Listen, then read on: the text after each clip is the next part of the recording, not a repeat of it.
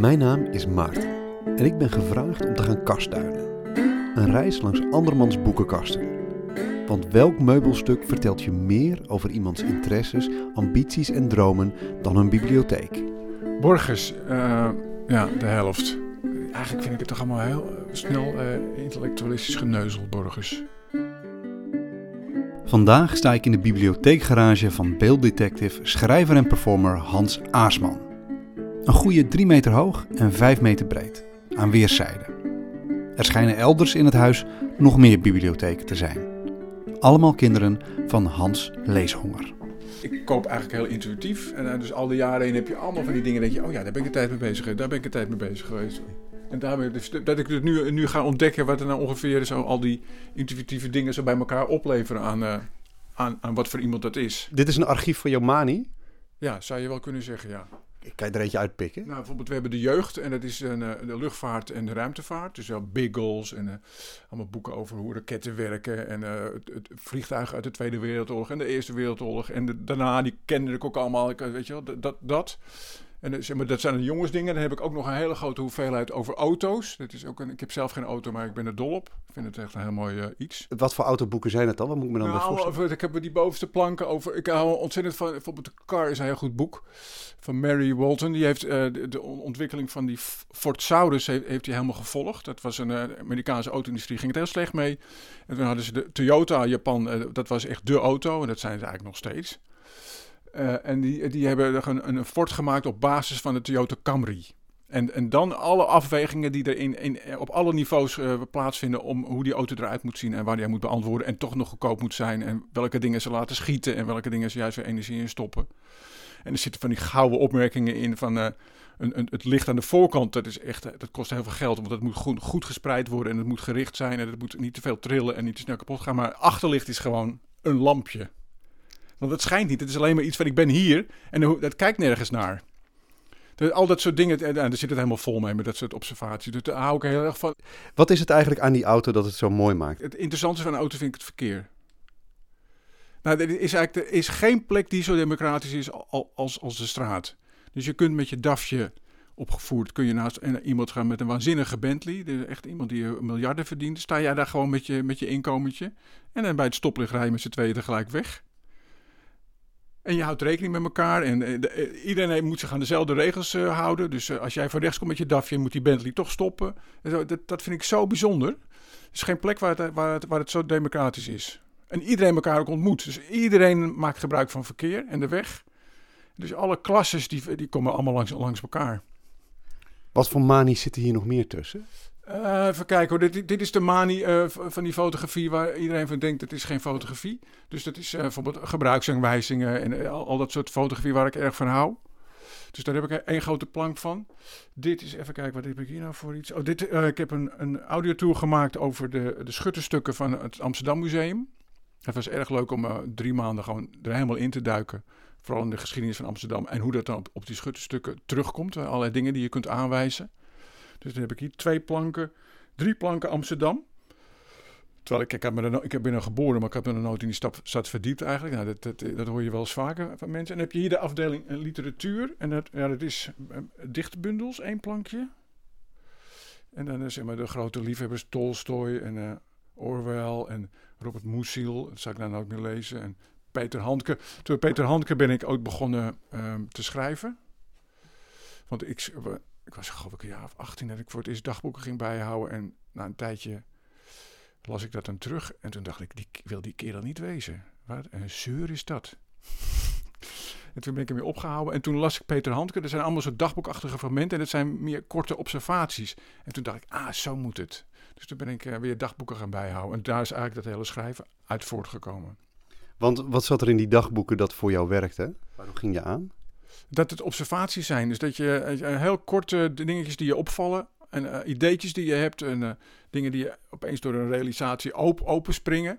Of stukken fragmenten van gesprekken waar je van denkt, oh, maar, maar de mensen zeggen dat daarom in die situatie. Weet je, dat, dat, dat ontdekkerige, dat, daar zit er bij Handke heel erg in. Kan je dat eigenlijk bewerkstelligen, dat ontdekkerige? Hoe doe je dat? Je moet A, heel nieuwsgierig zijn en het gevoel hebben dat nieuwsgierigheid ook iets op, op, oproept. Dat het ook, dat het ook uh, tot succes leidt. Ook al leidt het niet tot succes, moet je wel het gevoel hebben dat het, uh, zou kunnen. Dus dat heb ik ook met die, eh, die rubriek in de Volkskrant. Dat je dan, dat je dan één foto, dat noem ik dan, daar trouw je dan mee. En dan moet je ook tot het gaatje. En dan zal je zien dat eh, tien minuten voor, voordat je tekst klaar moet zijn, dat je eens weer iets ontdekt, waardoor het allemaal op zijn plek valt. Is bijna altijd zo, heel grappig. Dus dat geeft, je, je moet een soort vertrouwen hebben en dan komt het allemaal wel goed. Dat, dat is het. En ehm, de, de kick, als je, als je niet de kick voelt bij als je iets ontdekt hebt, ja, dan, dan, dan schiet het niet op. Dus ik, eh, ik voel altijd echt, voel me altijd erg gelukkig als ik weer eh, iets eh, op een vrij ja, intuïtieve manier heb blootgelegd. Hoe doe je dat als je leest? Ik heb altijd een vraag. Ik heb altijd, ik denk, ik, is, ja, ik ben eigenlijk heel veel aantekeningen. Je zit altijd met potlood in het boek te strepen. Is dat hier ergens te zien? Kun je er eentje uitlichten? Wacht, dat, dat, even kijken, waar heb ik die? Heb ik bijna allemaal boven liggen. Dat zijn, dit, zijn eigenlijk, dit is eigenlijk een soort achteraf archiefje. Maar boven heb ik dan eh, de, de, het, eh, het, de, waar, waar ik echt mee bezig ben. Maar, oh jee. Ehm, even kijken, hier hebben we een boek van Paul Kaptein. Dit, dit is de wetenschappelijke afdeling, de sociologie. Nou, nou, dat heb ik niet veel aangestreept. Maar dat, dat is de, iemand die op basis van de theorie van Norbert Elias naar de wereld kijkt. Dat was voor mij ook een totale ontdekking. Om, eh, zoals een, eh, Elias denkt en kijkt. Zou je dat kunnen samenvatten kort? Dus de samenleving is verdeeld in klassen. En ehm, die klassen die eh, de onderklassen willen stijgen. En vooral de middenklasse wil stijgen. En dat doet hij door de, eh, eh, zich het gedrag aan te meten van de klasse daarboven.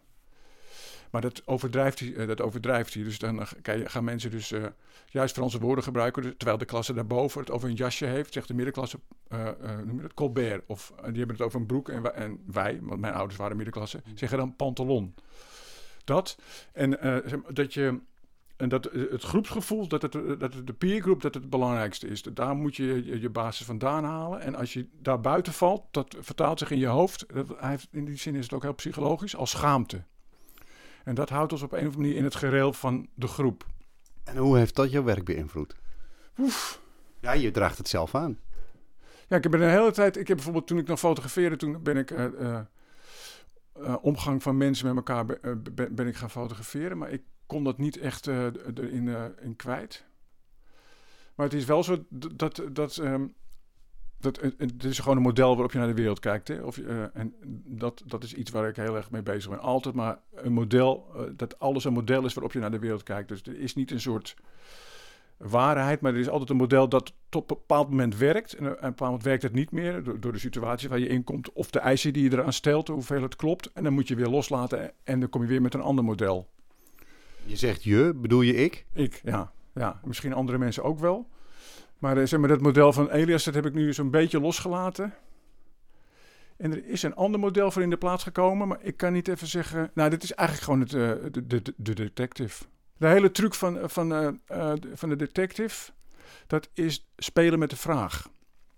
Dus zeg maar, er is iemand vermoord. En dan wat je niet moet doen, is denken, we moeten, dat wil je natuurlijk wel, maar, en dat wil iedereen, we moeten de moordenaar vinden. Als je dat doet, dan gaat alles daarna staan. En dan heb je een, een theorietje van wat er gebeurd is. En vervolgens ga je, denk je van, oh, die heeft het gedaan. En dan ga je alles wat je daar omheen hebt, dat ga je die kant op duwen. En dan krijg je dus die beroemde tunnelvisie waarbij iedereen eh, invalt. Je gaat getuigen horen en twee zeggen iets wat, wat tegen je, je theorie in is. Dan denk je van die lullen uit de nek. En vervolgens hoor je er eentje die ja, bevestigt jouw theorie. En die denk je van nou, dit is een interessant iemand. Dat je dus je hele hersenen. Maar wat je dus moet doen, die vraag moet je wel in je achterhoofd hebben. Maar je moet hem laten rusten. Je moet alleen maar denken van wat is er nou gebeurd? En dat doe ik eigenlijk de hele tijd. Steeds afvragen bij alles. Wat is er nou gebeurd? En zonder uh, dat je iets ermee wil. Dan komt, dan komt het antwoord vanzelf naar boven? Er komt vanzelf de schuldige naar boven. Of, of wat, wat het dan ook is. Je kan, kan het op alles loslaten. Hoe vreet je je door deze eindeloze meters heen? Oh, nou, dat is de vraag. Ik, ik, heb altijd de vraag als ik een boek pak. En daarom kan ik ook, nou, als ik de, tien pagina's gelezen heb en denk, hmm, dan doe ik nog uh, 30 pagina's een pagina en aan het eind kijk ik ook nog even. Ik nou, dit is toch niet wat, uh, wat mijn vraag gaat beantwoorden. Dus ik, ik, ik, ga nooit zo zitten van, uh, nou, kom maar op. Stort je ideeën maar over me uit. Nee, het is altijd, ik heb altijd een hele duidelijke. Nou, en dat, dat sleep je er ook doorheen. En, en, en daardoor ja, opent het zich ook sneller. Dat wil ik wel geloven. Zitten er hier nog boeken tussen waarvan je denkt, ja, die moet ik eigenlijk, die moet ik eigenlijk gelezen hebben, maar ja, je kan me niet dwingen, dus doe ik het niet. Nou, ik kijk even Spinoza, die vind ik ook. eh, de Ethica, die heb ik eigenlijk nooit aan begonnen. Een paar keer ingebladerd, maar dat ik, oh my god. Eh eh, Hannah, Arendt, ook maar niet al te veel ingelezen. Op een bepaald moment hou je er ook mee op. Het is, ja, Nietzsche wel, maar dat is, dat is ook heel erg toegankelijk geschreven, vind ik. Nou, kijken, wat heb ik hier nog meer? Ehm, nou, al die dingen die over neurologie gaan, over biologie, dat heb ik allemaal wel gelezen. Ja, het, toen ik nog fotografeerde, had ik ook heel vaak dat ik bijvoorbeeld een boek heb ik hier een boek over sociale geografie en dat gaat opeens over eh, hoe eh, mensen zich op het strand opstellen, waar ze de auto's neerzetten, hoe ze zich eh, de- ten opzichte van elkaar, eh, die, die, die afstand die ze nemen, welke plekken ze het eerst opzoeken. En het is eigenlijk, heeft een ongelooflijke invloed gehad op die manier van fotograferen die ik in de jaren negentig deed, of eind jaren tachtig eigenlijk. Dus ik deed heel vaak dat je vanuit de wetenschap weer, eh, weer eh, naar de wereld kijkt en dan eh, op een idee voor fotografie komt. Ik heb altijd afgevraagd hoe het werkt met het afsnijden van perkjes.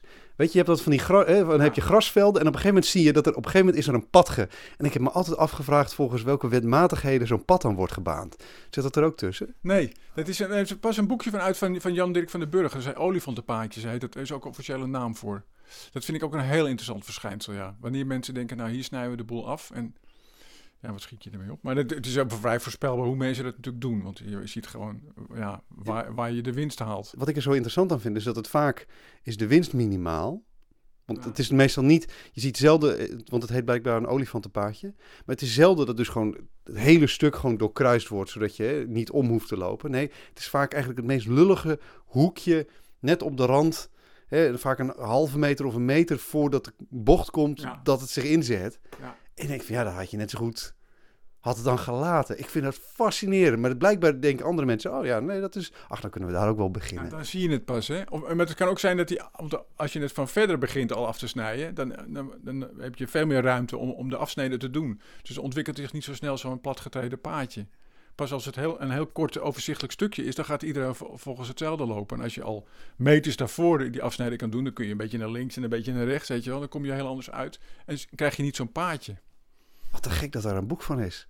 Ja, dat is een heel leuk boek. Zoals je eigenlijk met het hier nu door die, deze boekenkast heen neemt, wordt me duidelijk, nou, jij hebt een soort alspeurend oog dat de hele tijd eigenlijk op zoek is. Op zoek is en het, het, op, het, het wacht tot het moment dat het aangaat. Maar heb jij een idee wat het is waar jouw oog naar speurt? Heb je daar al een inzicht in? Nou, dan kom je weer op die ontdekking natuurlijk uit. Maar het, ik, nee, overal eigenlijk. Overal, overal heb je, ga je op zoek naar een soort... eh, dat iets zich opent. Nou, zijn er bepaalde dingen waar je oog aan blijft haken als jij, als jij leest, als je kijkt? Nee, ik zou het eigenlijk niet kunnen zeggen, nee. Ik, weet- het enige wat ik weet is dat eigenlijk alles in principe interessant is. Dus ook de dingen waar je eh, misschien toen je jong was of in een andere periode dat je je schouders voor ophaalde of je neus. Dat het als je erin verdiept, dat het interessant is. En eh, of het nou curling is of eh eh, fl- flarejeppen of hoe heet het allemaal.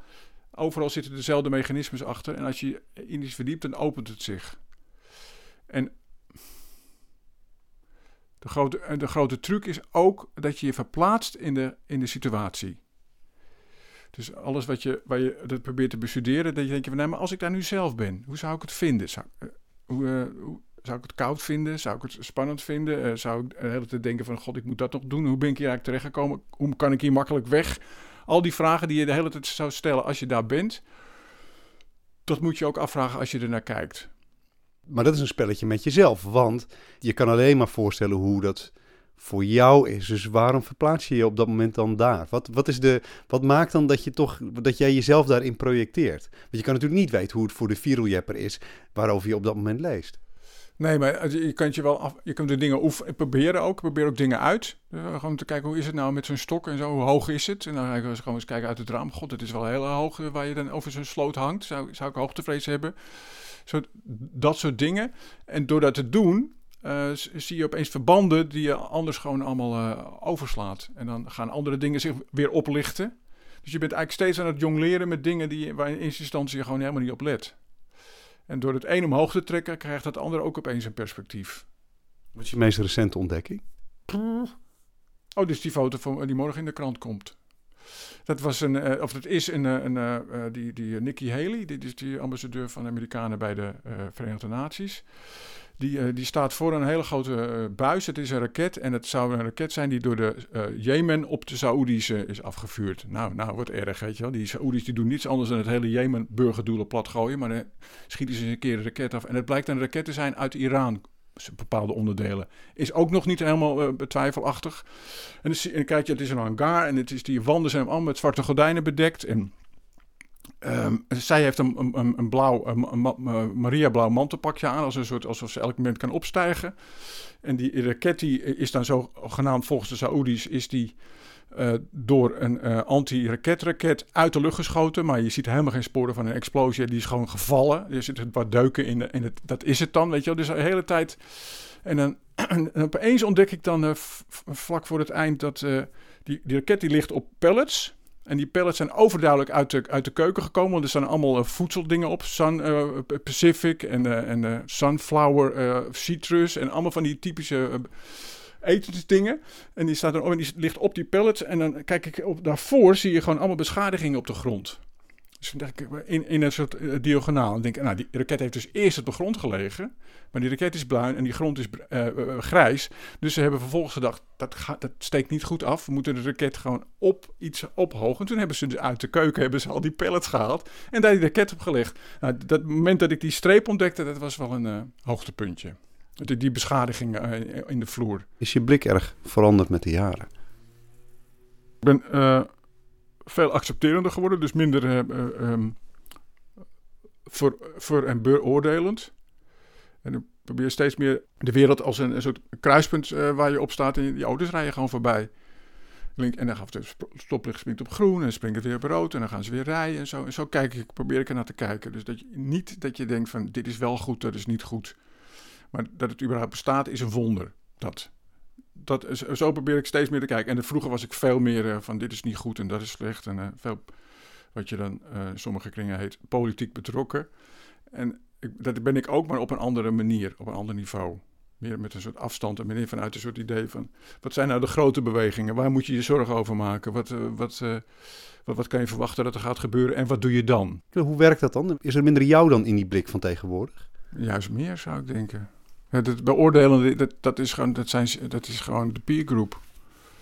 Dus je, je zinkt je juist los van, eh, van, van het oordeel en daardoor ehm, komt er meer van jezelf in.